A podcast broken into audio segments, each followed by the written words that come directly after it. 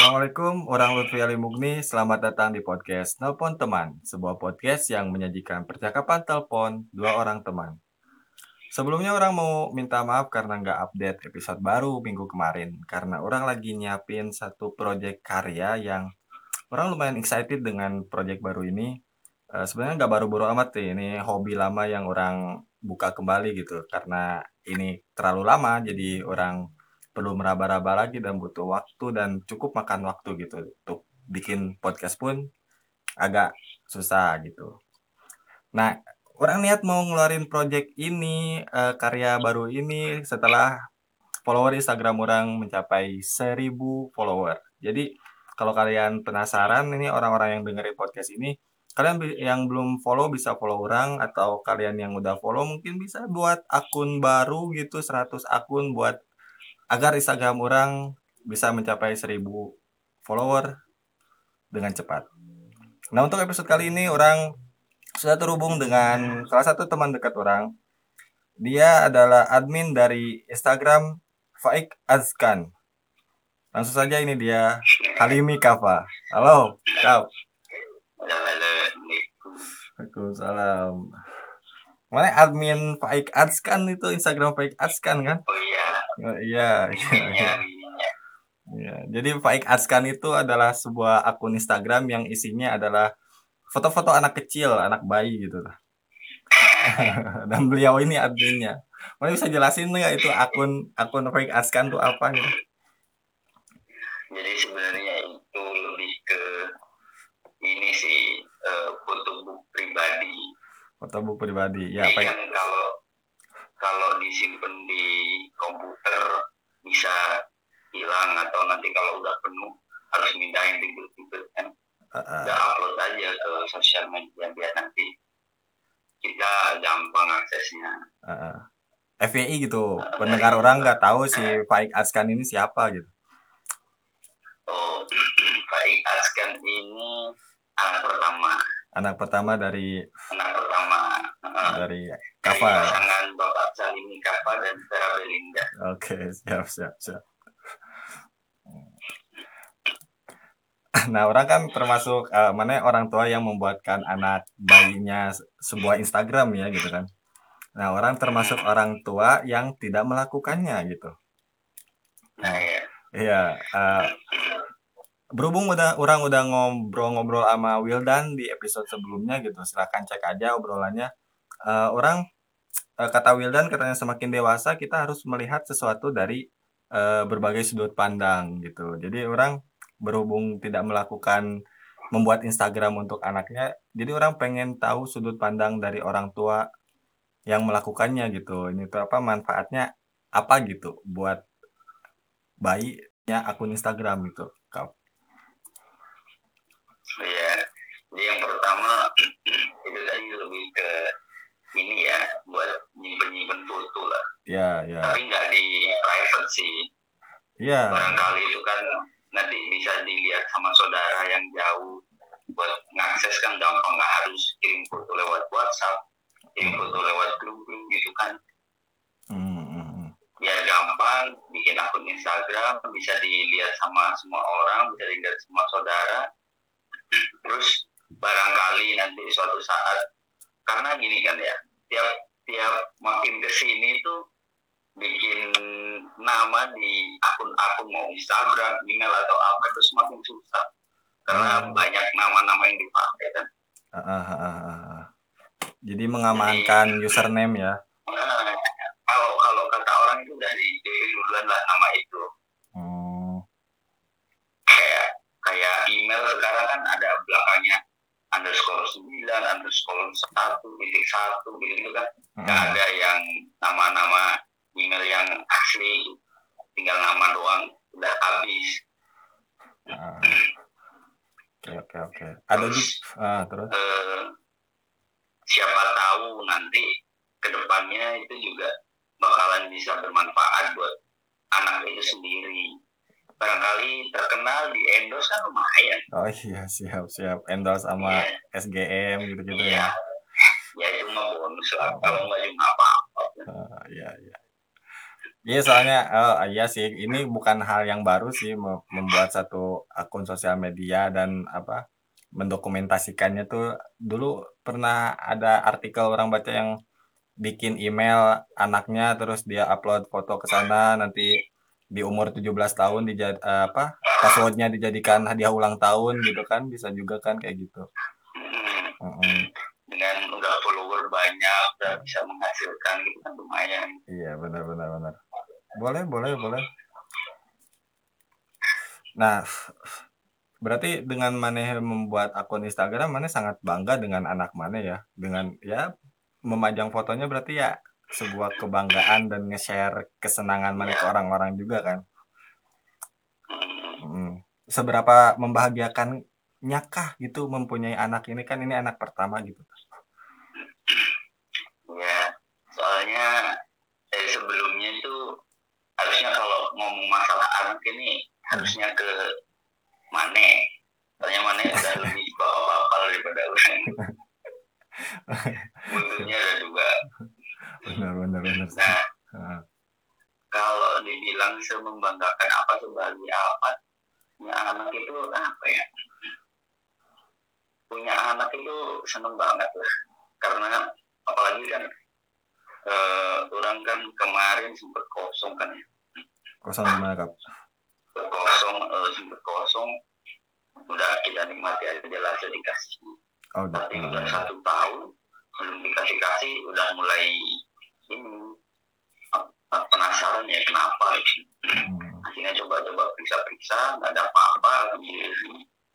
terus eh, sempat dikasih eh, obat-obat gitulah Mhm. kayak obat eh, apa ya obat-obat lah tapi bukan obat-obat eh, yang merangsang atau apa Heeh heeh suplemen-suplemen lah ini alhamdulillahnya si di situ seneng banget punya anak kalau kalau kata orangnya Iya. anak eh, kasih sayang ke anak itu murni gitu Iya iya benar benar. beda kayak kalau mana sama pacar gebetan Itu itu ke kan kecampur nafsu ya kayak kayak gitu ya? eh, itu terus jalanan soko kulino lah Oh sih. Ki? andalan itu Artinya opo ki? eh, Trisno jalanan soko kulino itu cinta karena kebiasaan Eh itu yang buat pacar.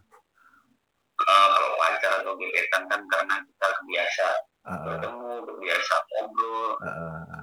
ataupun kalau karena kebiasaan cinta pada pandangan pertama itu kan berarti kita menilai fisik dulu kan Iya. nilai iya. fisik kalau sama anak enggak mau anak kita lahir kocok gimana keadaannya? Kita udah langsung jatuh cinta.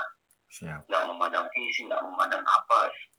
Siap. jadi di situ rasa bahagianya orang tua. Berarti makanya mungkin eh, bahagia ini ya apa salahnya lah. Kalau dengan akun media sosial itu bisa membahagiakan orang lain memberikan kebahagiaan. Ya nggak usah jauh-jauh lah kayak kakek neneknya bisa lihat di media sosial gampang. Karena eh, lebih gampang upload ke media sosial daripada share-share di YouTube kan. Iya betul effort lah. Nyari-nyari kontak dulu kan broadcast itu. terus kalau nggak pernah aktif di grup tiba-tiba nge-share foto kan nggak enak akses sendiri aja lah di gitu, di Instagram Ah, Siap siap. Nah itu kan perasaan mana ke anak. Sekarang buat hidup mana apa sih yang berubah gitu eh, setelah mempunyai anak ini gitu? Ini soalnya jadi perta- heeh, jadi pertanyaan banyak orang gitu. Eh, setelah punya anak tuh perubahan apa? Mungkin jadi kekhawatiran juga gitu kan atau gimana gitu. Mungkin bisa jadi solusi gitu setelah berubah apa yang berubah dari mempunyai anak itu gitu. Hmm, banyak sih yang berubah. Yang jelas uh, punya anak itu harus jadi bapak bapak lah. Jadi bapak, bapak. meskipun belum bapak bapak banget. Kayak uh, harus bisa uh, ngurus anak kalau nangis paling dasar kayak ngegendong gendong anak uh. terus gantiin baju gantiin popok nguapin gitu gitulah ngomong ngomong lah mm -hmm. nah itu kayak mm. kalau apa ya itu kan uh, malah sesuatu yang di apa ya beberapa orang mungkin apa ya menta, uh, jadi momok gitu takut ketika punya anak tuh mereka gak siap buat harus ngomong kayak kayak gitu. Mana menangkap menanggapinya gimana sih gitu? Atau mana sebelum punya anak udah mempersiapkan itu gitu? Mungkin ada beberapa orang yang iya sih jadi jadi momok ya hmm. hal-hal seperti itu karena biasanya sih orang yang nggak nggak mau ribet lah nggak mau ribet ngurus dirinya sendiri aja udah itu uh, ngurus anak uh, uh, benar-benar tapi uh, dulu sempat kebayang sih gimana ya punya anak ya uh. kita uh, kerja dua-duanya berangkat pagi pulang malam kalau punya anak gimana ya ternyata kalau udah punya anak ya di jalan perfect aja hmm. yang malah itu bisa merubah habit kita sehari-hari hmm.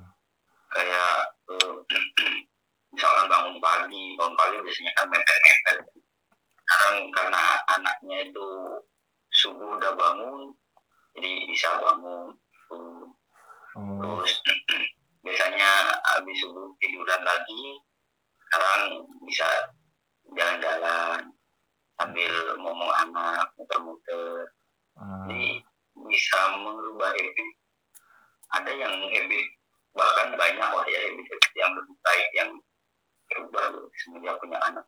Ah, iya, iya. tidur begadang gitu. Dulu kan ah, begadang tiap hari kan. Hmm. sekarang jarang jarang begadang. Ya ya keluyuran gitu kan. Contohnya seperti itu. Hmm. ya jadi selain mem memberikan habit-habit baru juga membuat apa ya ngasih motivasi kita untuk mengurangi habit-habit yang buruk juga ya kak? Nah iya. Ah, benar benar pokoknya kan anak adalah anugerah siap siap. Nah apa? Salah satu yang ditakutin dari punya anak ya orang orang yang orang rasakan gitu kan. Takut orang itu gagal dalam apa ya mendidiknya gitu. Nah ketakutan itu menurut orang ter, yang terbesar mempunyai anak tuh gitu gitu. Membesarkannya dengan pendidikan yang salah gitu. Jadi dia mempunyai karakter yang salah gitu. Mana setuju gak? Merasakan itu gak mana? Ins ya, kekhawatiran. Ya pasti lah setiap orang tua pasti memikirkan itu lah ya. Mm -hmm. Nah, mana sendiri uh, rencananya ini kan baru setahun gitu kan, masih panjang perjalanan. Rencana mana gitu hmm. dalam membesarkan, dalam memberikan pendidikan, mana akan menjadi ayah seperti apa gitu? ayah seperti apa? Mm -hmm yang jelas uh, kalau orangnya lebih apa ya uh, tidak memiliki patokan-patokan. Jadi let it flow aja lah kalau orangnya. Let it flow. Jadi kalau anak itu mulai mulai suka apa anak itu uh, tertarik sama apa ya udah diarahkan aja kita uh, support lah. Nggak harus aman harus ini harus ini harus ini udah jadi biarkan aja. Terus uh, karena orang let it flow gitu kan uh, prinsipnya ya ya udah. Kayak sehari-hari ya dijalanin aja dulu nanti kayak apa ya gimana nanti? Masalah nanti salah mendidik atau apa ya kan masih nanti. Uh, yang penting kita memberikan yang terbaik mengarahkan mana yang benar mana yang salah. Masa sih antara salah dan benar kita nggak ngerti. Setidaknya kita mengarahkan membedakan dulu urusan nanti salah mendidik atau enggak itu ya nanti nggak usah terlalu mikir banyak-banyak. Gitu, uh, gitu. Nah sekarang orang mau ngajak ya mana mikir agak panjang nih. Uh, kita kan tahu yang salah yang benar gitu kan. Nah ini jadi pertanyaan orang juga gitu dan pengen apa ya nyari referensi lah dari orang kayak gimana gitu. orang membayangkan uh, jika mana kan perokok gitu kan sempat merokok juga kan walau sekarang udah dikurangi gitu. Mana perokok gitu kan. Jika nanti mana yang melihat anak mana merokok misalnya ta di usia-usia yang belum saatnya gitu mana bakal gimana gitu di depan mana dia lagi ngerokok mana bakal gimana bro? yang pertama nih ya hmm. pertama paling pertama. Kurang oke okay, nggak apa-apa. Asalkan nggak terlalu ini ya. Soalnya orang dulu ngerokok mulai ngerokok SMA lah ya. Dan menurut orang itu umur yang wajar lah anak mulai mencoba. Kalau kalau menurut orang mencoba itu nggak apa-apa asalkan tidak terjerumus. Uh, uh, uh. Ada ada ada benarnya mencoba itu agar tidak terjerumus itu nggak masalah. Jadi kalau nanti kalau anak orang rokok seumuran orang SMA nggak masalah. Asalkan dia ngerti harus kayak gimana nanti ke depan. Karena orang ngerasa ya orang dulu nggak usah terlalu mulut-mulut kamu harus ini harus ini. Sedangkan kita sendiri dulu nggak kayak itu jadi orang nggak mau anak orang itu uh, harus kayak ini padahal bapaknya dulu nggak kayak gitu iya ngebalikin katanya gitu kan ah hmm. bapak juga dulu gitu gitu kan kalau kalau ini nggak apa bapak juga dulu gitu ya emang kayak gitu ya Ta tapi ini suka banyak sih orang tua yang curang kayak gitu gitu. Mereka dulu kayak gitu gitu. Terus setelah melihat anaknya melakukan hal yang sama, mereka kadang melarangnya gitu. Ah, uh, tanggapan mana sama orang tua orang tua seperti itu gimana? Mana kan berusaha tidak menjadi orang tua seperti itu. Ayo orang nangkep kan. Ya itu sih tergantung persepsi masing-masing lah ya tak usah terlalu dipikirin membeda-bedakan orang lain gimana orang lain gimana yang ngurusin diri sendiri ya uh.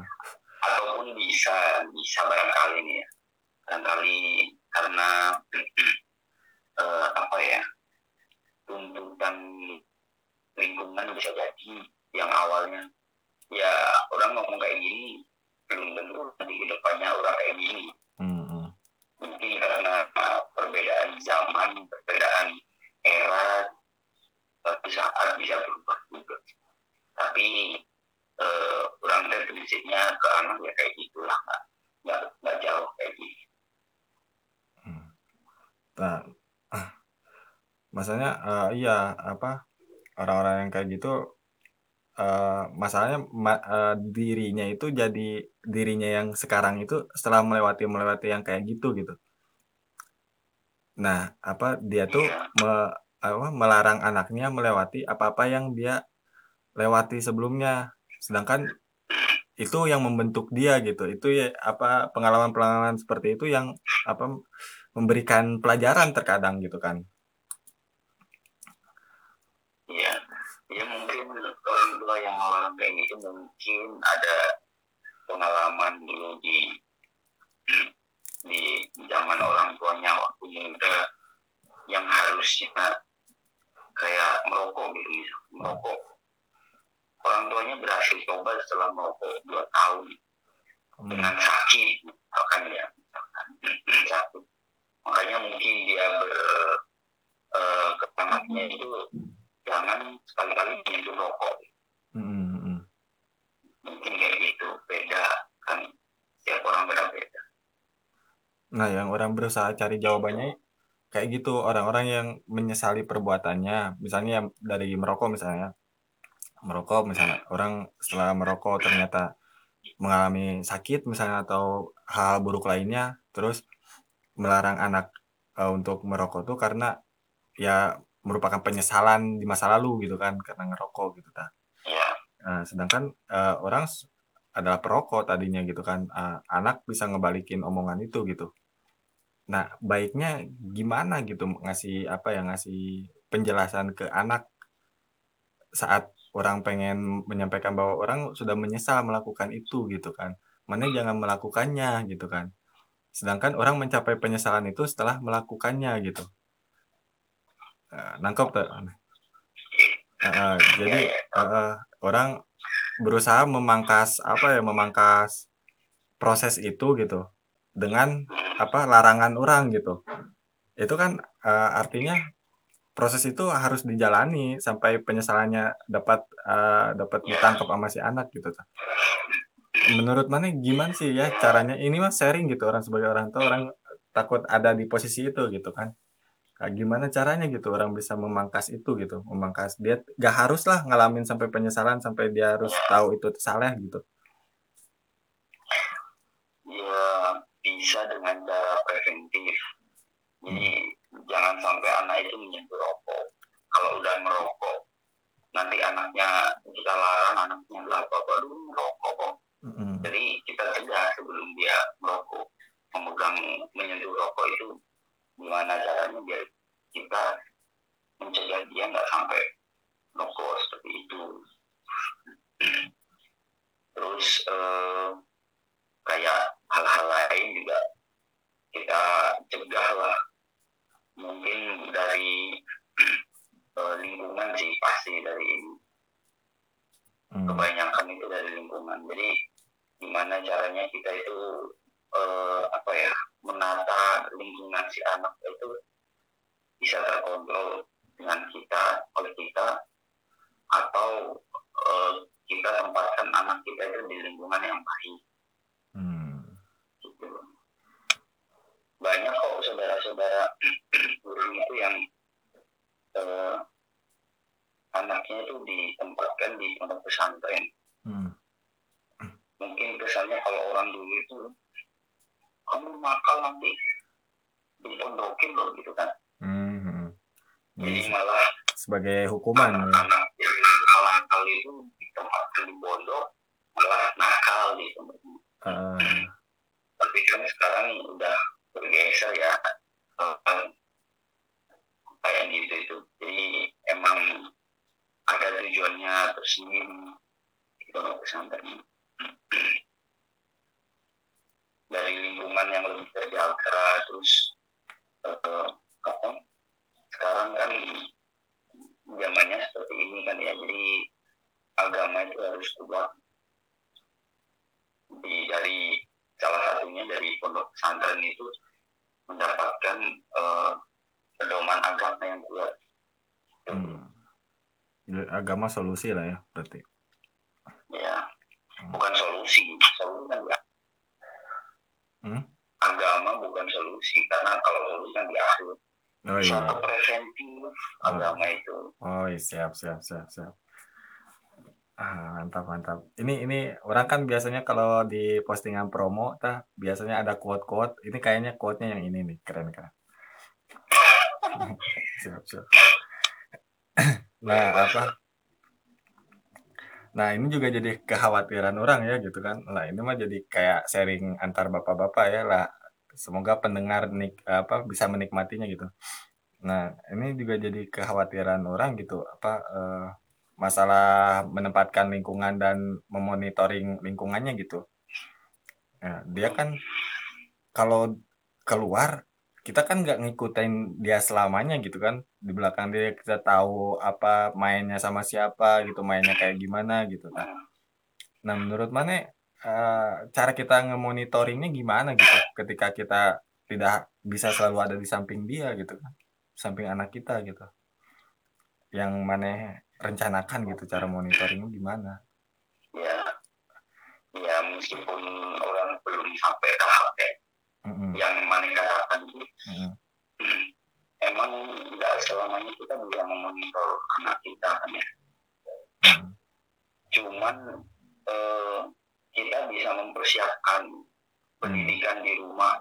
Jadi mm. kayak misalkan anak kita main, kita sebelumnya itu mengajarkan kayak jangan bicara sama orang asing hmm.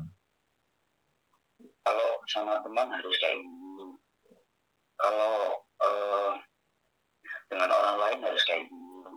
Adatnya terima kasih terus minta maaf tolong begitu. Hal-hal remeh senyum sapa itu harus sudah diajarkan sama sehingga kalau kalau misalkan nanti dia keluar kita nggak bisa memantau anak itu punya pedoman punya prinsip gitu. Hmm. bahkan eh, banyak ya orang tua yang mengajarkan anaknya namanya siapa? Orang tuanya siapa? Terus tinggalnya di mana? Hmm. alamatnya di mana? Nomor HP orang tuanya di mana jadi setidaknya kalau ada hal tersebut nanti itu anak itu bisa ngerti bisa punya punya oh iya ini yang diajarin. Hmm. kata sesat bisa ya. Ditanyain siapa? Tahu rumahnya di mana? Tahu nomor teleponnya orang tuanya berapa tahu. Jadi kan setidaknya bisa lebih aman. Hmm. kita bisa mempersiapkan itu. Karena anak kecil juga lebih gampang kan di eh, apa? Di Kelabui, ya. culik gitu kan. kayak diajarnya lebih gampang. Cuman ya itu itu yang saya lihat tadi eh, beberapa contoh sih meskipun orang juga belum belum ini belum sempat eh, belum nyampe di posisi kayak gitu. Iya, jadi eh, ya orang tangkap sih berarti dasarnya dulu aja yang kuat dari kita ya gitu kan. Nanti dasar-dasar itu dia pakai di apa di pergaulannya, insya Allah bisa melindungi dia ya gitu. Gak harus kita ya monitoring selamanya. setidaknya itulah bisa jadi pelindung dia Hmm. Nah terus eh, ngomong-ngomong soal era-era yang berubah gitu kan. Sekarang kan kalau ngomongin era, eranya era teknologi kayak kayak gitu kan. Nah orang paling bingung apa anak anak orang aja dua belum dua tahun dia udah mahir udah ngerti UX-nya YouTube gitu. Dia udah bisa ngo- mengoperasikan YouTube gitu kan. Sekecil itu. Ah, ah, mana tipe orang tua kayak gimana sih? Apa mendukung kayak gitu atau eh, membatasi eh, anak dengan gadget atau gimana? Atau gadget ini perlu harus dikenalkan sejak dini atau kayak gimana? Kak? kalau orang jujur sih orang juga kadang itu memberikan tontonan kayak YouTube nyanyi nyanyi baby shark baby shark itu ke anak orang. Hmm. karena ya dia seneng nggak bisa dipungkiri bahwa zaman sekarang itu nggak bisa lepas dari multimedia sudah nggak bisa dipungkiri. Bisa tapi emang ada sisi negatifnya. Mm-mm. kayak gitu kayak gitu. Kita eh, apa ya kalau kalau ignore mengignore itu nggak bisa karena zamannya udah beda kalau kita mengignore bisa jadi anak kita nanti kuder gitu kuder sendiri Hmm. Ya. gimana caranya kita itu mengarahkan Hmm. Benar-benar. eh, nggak nggak nggak eh, Nggak kita putus aksesnya ya. Diarahkan Hmm. mungkin bisa eh, dengan kayak bermain gadget nonton itu bisa dibatasi diberi pengertian anak sekali lagi orang ngomong kayak gini meskipun orang belum apa ya sampai di fase seperti itu cuman nanti ke depannya yang orang terapkan kayak gitu. Iya, jadi iya. beri pengertian lah. Iya. kayak main gadget itu waktunya kapan terus apa aja yang boleh dimainin atau enggak. Jadi eh, diarahkan jangan sampai terlalu over aja sih. Tapi yang orang Karena rasakan susah sih Hmm. orang anak sekarang. Itu itu effort effort banget cuy. Itu yang orang rasakan susah banget. Itu apa? Mengurangi terutama mengurangi screen time Iya, itu. apa? screen time itu gitu. Heeh. Nah, screen time itu bahkan eh, pernah baca sih orang itu anak di bawah berapa tahun ya? Satu tahun gitu harusnya nggak ada screen time. Hmm, hmm, hmm. cuman ya ya gimana ya? Karena mungkin kita kebiasaan dari orang tua juga ya. Iya dicontohin. udah apa-apa gadget anak rewel tontonin YouTube gitu. Terus anak-anak eh, ya bisa di sama gadget juga. Dia melihat orang tuanya bisa orang tuanya yang main gadget terus itu bisa dicontoh sama dia anak orang aja ya kalau padahal HP itu nggak nggak nggak tahu apa bedanya sama benda lain Hmm. tapi kalau ada HP misalkan geletak bergeletakan gitu sama mainan dia dia Hmm. lebih milih HP ah, ah. Mungkin kan niru orang tuanya ya ngeliat orang tuanya kayak gitu. Ya mungkin lihat orang tuanya modalnya HP terus. Terus mungkin kalau lihat YouTube itu kan dari HP kadang dari kadang dari HP HP-nya ya itu HP mamanya yang dikejar Mm-mm. HP ayahnya enggak meskipun sama-sama HP nah kenapa ta tahu ya kenapa ta biasanya nonton di sana di HP mamanya. Oh biasa nah udah bisa nggak favoritnya. Mungkin itu juga salah satu apa mungkin kecerdasan anak sekarang ya. Iya. Dibilangi beda ya emang beda. Iya. Orang ge apa ya kalau bilang nggak setuju ya orang agak setuju juga soalnya apa ya dari video-video itu dia jadi kenal gajah gitu jadi kenal beruang dia tahu beruang kayak gimana suaranya kayak gimana gitu dari video-video YouTube itu. Yang jelas asal kita memilih memilih. juga pendidikan anak melalui eh, apa media visual kayak gitu kan audio visual. Mm-mm. cuman ya kalau eh, terlalu over kan bisa berakibat iya. buruk kan.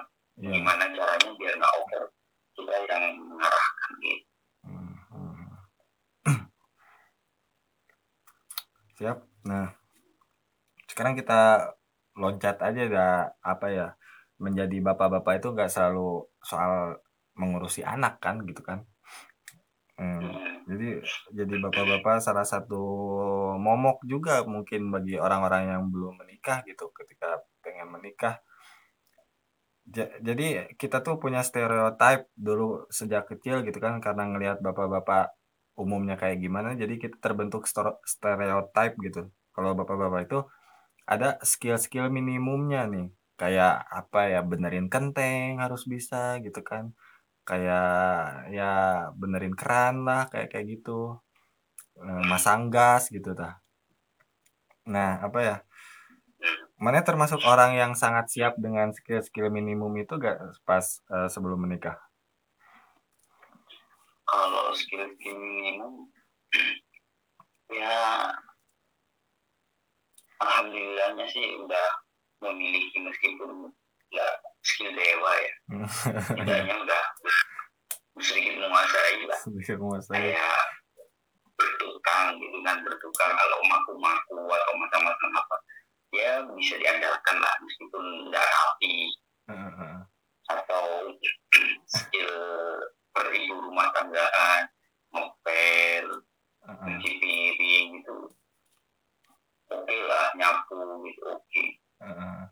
nah orang jujur apa masang gas aja udah setelah menikah belajar masang gas tuh nah menurut mana ya ini ya nggak nggak terlambat ya. eh, tapi bisa kan dalam apa masang gas bisa oh bisa. Setelah menikah maksa gitu ya. Masang gas ya bisa gitu doang sebenarnya kan. Eh, setelah menikah itu eh, sebelumnya nggak nggak bisa masang gas itu nggak pernah takut ya? Nggak pernah sih kayaknya. Nggak pernah dan takut juga. Heeh. jadi nggak nyoba gitu. Padahal kalau nyoba kali bisa lah gampang. Ya. menurut mana apa sih udah di, di ini kedoktrin sama apa berita tahu meledak meledak. Heeh. keluar awal-awal keluar gas kan gitu kan meledak di mana-mana jadi satu yang menakutkan. semenakutkan itu ternyata ah, orang semakin pede itu setelah ada video yang itu apa tentang pengoperasian gas ternyata aman banget gak akan bocor itu gas. Aman. Teman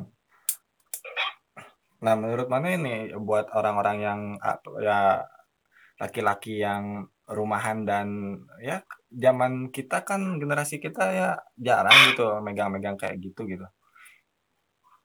Nah skill-skill minimum ini uh, apa ya harus harus harus dikuasai gak sih sebelum menikah? Atau nanti aja lah belajarnya setelah menikah juga bisa menikah nikah aja dulu gitu.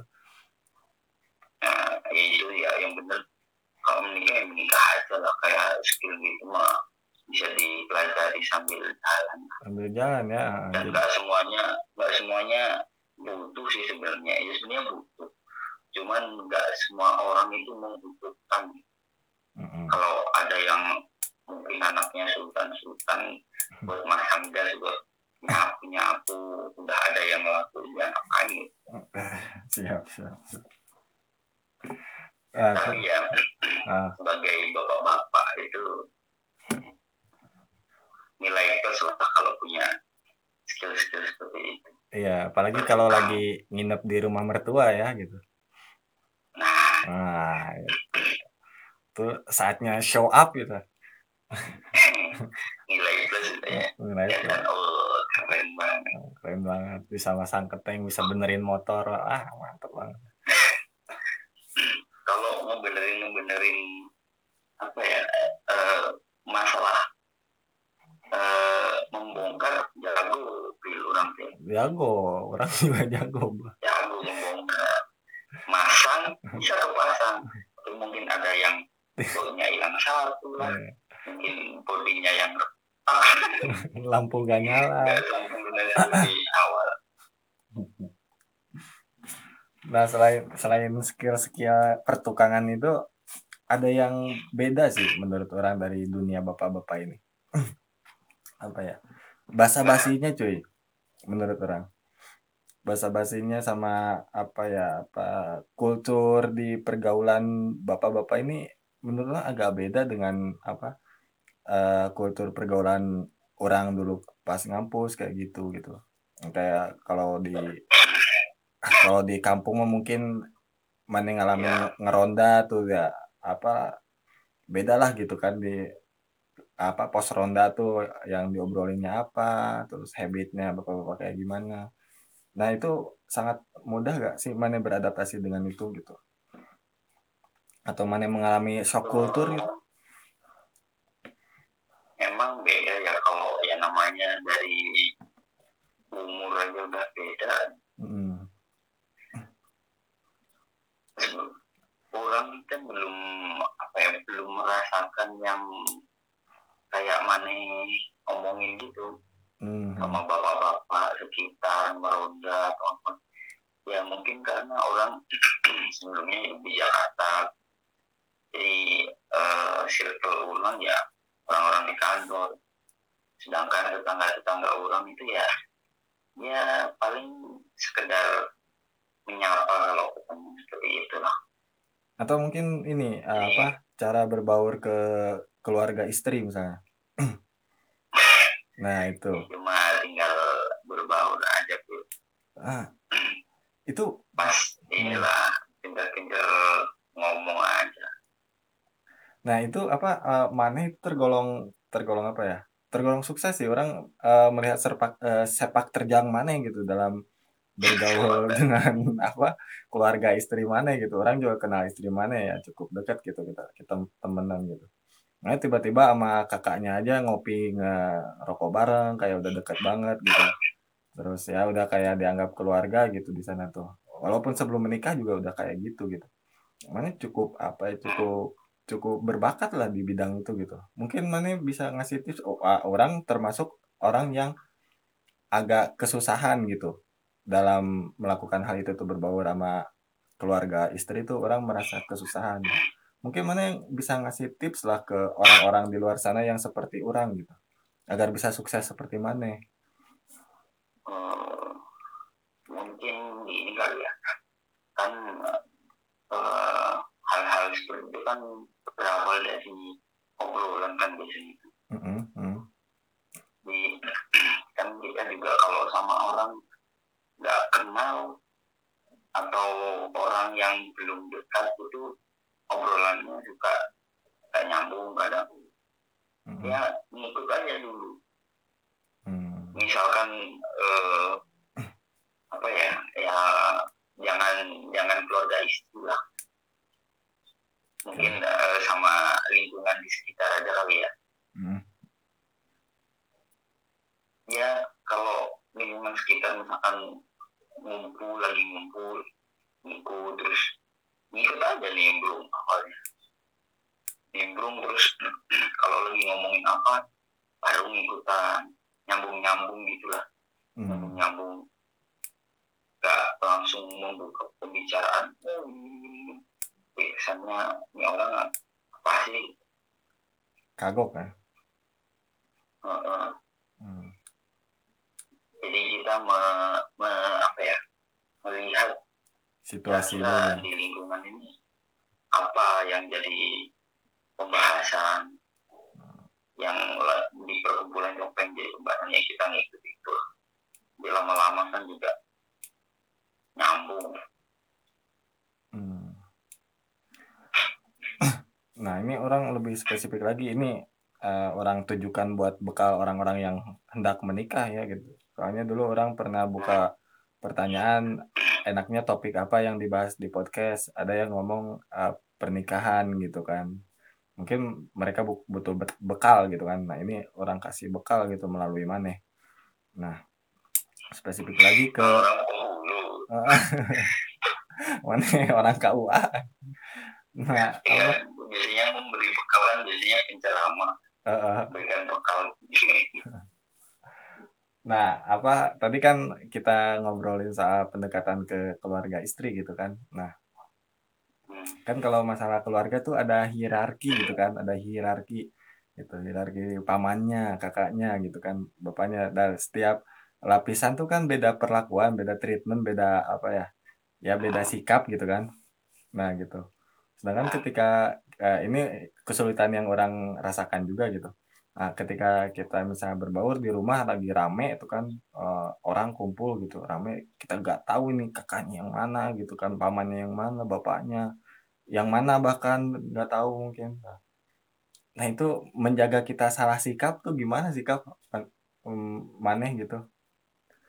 Salah sikap. Salah sikap. Ini berarti ini ya eh, keluarga. Tadi kan kalau menikah kan dulu berarti keluarga yang emang udah serius gitu kan iya iya udah serius. Eh, apa ya? Ya awal-awal itu jadi ini aja lah. Eh, merendah dulu lah. Merendah. Tahu posisi kita masih newbie lah. Mm-mm. newbie ya udah ngikut aja nih. Jangan kebanyakan gaya oh itu ya iya aja dulu. Eh, ya aja ya ya terus obrolan juga yang standar standar dulu lah Hmm. lagi apa ya enggak kayak gitu juga sih. Nah udah aja, makan belum? Eh, eh, tapi kalau udah keluarga udah mau serius ya. Hmm. berarti kan udah mengenal keluarganya sih. Setidaknya itu. Ah. nggak mungkin baru pertama kali bertemu. Nggak nggak nggak kayak gitu lah kalau mau serius. Pasti udah beberapa kali bertemu Enggak sih, orang eh, orang contohnya karena jauh mungkin ya orang Lampung sama Ciamis gitu. Orang malah oh iya ketemu tuh ketika acara gitu. Tiba-tiba banyak orang dan orang nggak tahu satu-satunya tuh siapa, pamannya mana, kakaknya mana gitu kan. Sedangkan itu kan butuh beda perlakuan kan ke kakaknya mungkin bisa lebih apa gitu, ke pamannya mungkin harus hormat banget gitu. Hmm, ya ini aja biasanya kalau gitu sih di awal-awal juga sama kayak gitu. Hmm. ngintil aja ngintil ke istri buat istri yang hmm, mau berkenal-kenalkan yang Hmm. membuka pembicara udahnya mengikut aja ini ya ya ya ya Oh gitu. Oh ya, oh iya iya. Ini pamanku gitu kan gitu kan ya. Iya. Oh. Hmm. nanti baru kalau udah diperkenalkan udah mulai cair oke lah kita jalan-jalan sendiri ngobrol sama satu-satu orang. Ah. kadang emang kalau baru pertama kali ketemu kadang suka lupa ini siapa ya. Mm-mm. itu siapanya ini ya? Yang pembahasannya yang umum aja. Jangan uh, bapak jangan terlalu spesifik ya misalkan bapak ini ya anaknya kedua ya padahal bukan anak kedua teleponannya gitu kan. Jangan so tahu. Pembahasannya umum di mana jauh dari sini pak oh begitulah Hmm. Ya, itu butuh obrolan yang cukup panjang sih. Kalau spesifik-spesifik sampai ke pertanyaan yang umum itu juga apa ya? eh, nggak semua tahu sih pertanyaan umum tuh kayak gimana. ya ya ya setiap orang juga punya inilah cara masing-masing nggak bisa di eh, apa dijabarkan harus kayak gini enggak ya itu contoh aja Oke, oke.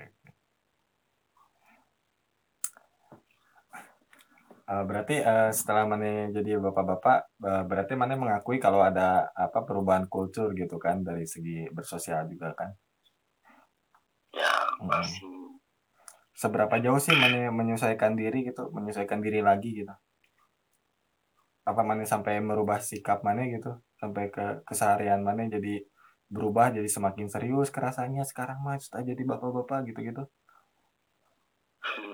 yang kayak gitu juga sih ya. Hmm. meskipun bapak-bapak kan tapi masih berjiwa muda Oh berjiwa muda. ya. ya jadi dan bapak-bapak sekarang bapak-bapak dulu yang seumuran sekarang ini seumuran kita Hmm. zaman dulu sama sekarang ya beda kan uh, kulturnya Hmm. bapak-bapak sekarang itu masih muda-muda udah jadi bapak Iya sih. tak kelihatan kan bapak-bapak jadi eh ya nggak semuanya lah berubah kalau jadi bapak kalau punya anak jadi bapak-bapak harus semuanya berubah pakaian harus berubah pakai sarung pakai singlet kan enggak harus punya kumis gitu baplang. Secara buruk enggak juga kan ya lebih ke menyesuaikan aja sih. Siap siap siap siap. Iya soalnya itu apa ya dulu gitu orang sebelum menikah tuh ya itu termasuk kekhawatiran orang gitu kan apa Iya. orang sanggupkah gitu menjadi bapak-bapak dengan stereotip yang orang tahu gitu kan. Saat kecil kan gitu kita tahunya gitu bapak-bapak. Ya takutnya di luar sana ada yang seperti orang gitu kan. Mungkin ya dengan mana yang ngomong gini mereka semakin percaya diri untuk menjadi bapak-bapak kan. Ah, biasa aja ternyata. bapak-bapak kan. Pasti semuanya jadi bapak-bapak. Eh, iya. Ya jadi gitu tuh orang yang deng orang yang dengerin podcast ini yang masih ragu jadi bapak-bapak nggak semenakut menakutkan itu kata Kava gitu. Jadi ya pede-pede aja jadi bapak-bapak nggak apa-apa gitu. masih bisa kan jadi bapak-bapak juga masih ini kok masih berjiwa muda. Berjiwa muda ya. Kecuali kalau jika mana baru harus jadi bapak-bapak beneran enggak sih orang masih diundang jadi Karang Taruna berarti dianggap pemuda masih Heeh, bukan. atau mana akhirnya guys dia berubah cara berpakainya pakai sarung singlet enggak enggak enggak enggak Aing masih berjiwa muda juga lah sama sama yang lawan. Terus sekarang eh, terakhir lah Kap gitu kan pesan dari mana gitu untuk entahlah konteks obrolan ini mungkin soal anak kah atau soal menjadi bapak-bapak gitu. Atau total lah menjadi bapak-bapak termasuk berikut mengurus anaknya pesan mana bagaimana pada orang-orang di luar sana terutama yang hendak jadi bapak-bapak cuma dibekali dengan ketakutan-ketakutan yang orang sebut tadi gitu. Silakan ya pertama gak usah terlalu memikirkan jadi bapak apa itu kayak gimana gimana nggak jalanin aja Toh nanti juga berubah dengan sendiri. Gak usah terlalu dipikir let it flow aja. Let it flow ya. Nah, let it flow. oke. Tapi btw Kap Mana kayaknya apa ya frekuensi bercanda mana agak berkurang setelah jadi bapak-bapak. Mana mungkin gak sadar tapi orang merasakan perbedaan itu bekap. Mungkin ini kali Will. Udah lama gak bersosial kan iya kap. Udah lama WFH Dari April sampai sekarang eh, Maret dari Maret sampai sekarang belum ngambek mungkin bisa jadi sih. Atau mungkin bisa karena jadi bapak-bapak. Kayaknya karena jadi bapak-bapak bah soalnya kalau orang merasa sih. Jadi lebih serius. Iya bener-bener kap terus topik-topik yang mana interest juga gitu kan excited ketika orang ngelemparin topik gitu kan topik eh, sebelum ini kita juga teleponan nge nge ngelemparin topik tuh topik-topik yang gitu-gitu yang kebapak-bapakan yang mana lebih apa excited untuk bahasnya gitu. Mungkin mana nggak ngerasa tapi mana agak berubah nih kap mungkin ini kutukan bapak-bapak ya. Kutukan bapak-bapak ya. Suatu saat bakalan kayak gitu juga mungkin kalau udah jadi bapak-bapak. Juga nggak apa pun bisa juga. Bakalan gitu juga kali ya. Iya iya mungkin iya iya. Karena let it flow tiba-tiba tring jadi kan flow iya, flownya ke arah sana ternyata kalau nggak masih bilang juga mungkin orang nggak nyadar gitu sih mungkin mana bisa lebih cair dengan nonton YouTube YouTube yang agak anak muda lah. Mana sekarang kayaknya lebih nonton liputan 6 kayak gitu TV One kan. Karni Ilyas gitu. Orang suka cuma ya lebih diseimbangkan lagi lah dengan yang lebih ke anak mudaan. Banyak dengerin ini dangdut koplo. dangdut koplo kayaknya kan. Biar urat-uratnya nggak tegang banget kan.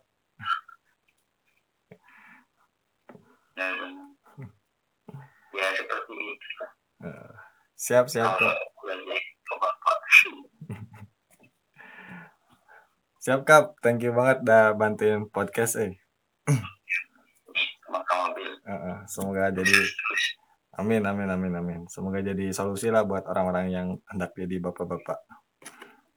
Ya semoga kalau ada yang obrolan-obrolan ini ada yang bermanfaat ya silakan diambil. Kalau enggak ya apa buat hiburan doang. Iya iya. Buat uh, sekedar inilah cicip eh apa? Apa sih cicet cicet lah. Cicet ya. Uh, iya obrolan teman lah ya iya santai aja. Santai aja. Oke siap bapak kafa terima kasih. Siap bapak. Bapak kalau mana yang manggil orang bapak kafa berarti? Hah? manggil mana bapak bapak Lutfi? Oh bapak bapak Lutfi. Dua anaknya ya. Benar benar. Itu itu jok jok bapak-bapak banget Adis iya bapak banget ya. Dari bapak-bapak bener. Beneran kita darah dagingnya sip kap. Thank you banget. Assalamualaikum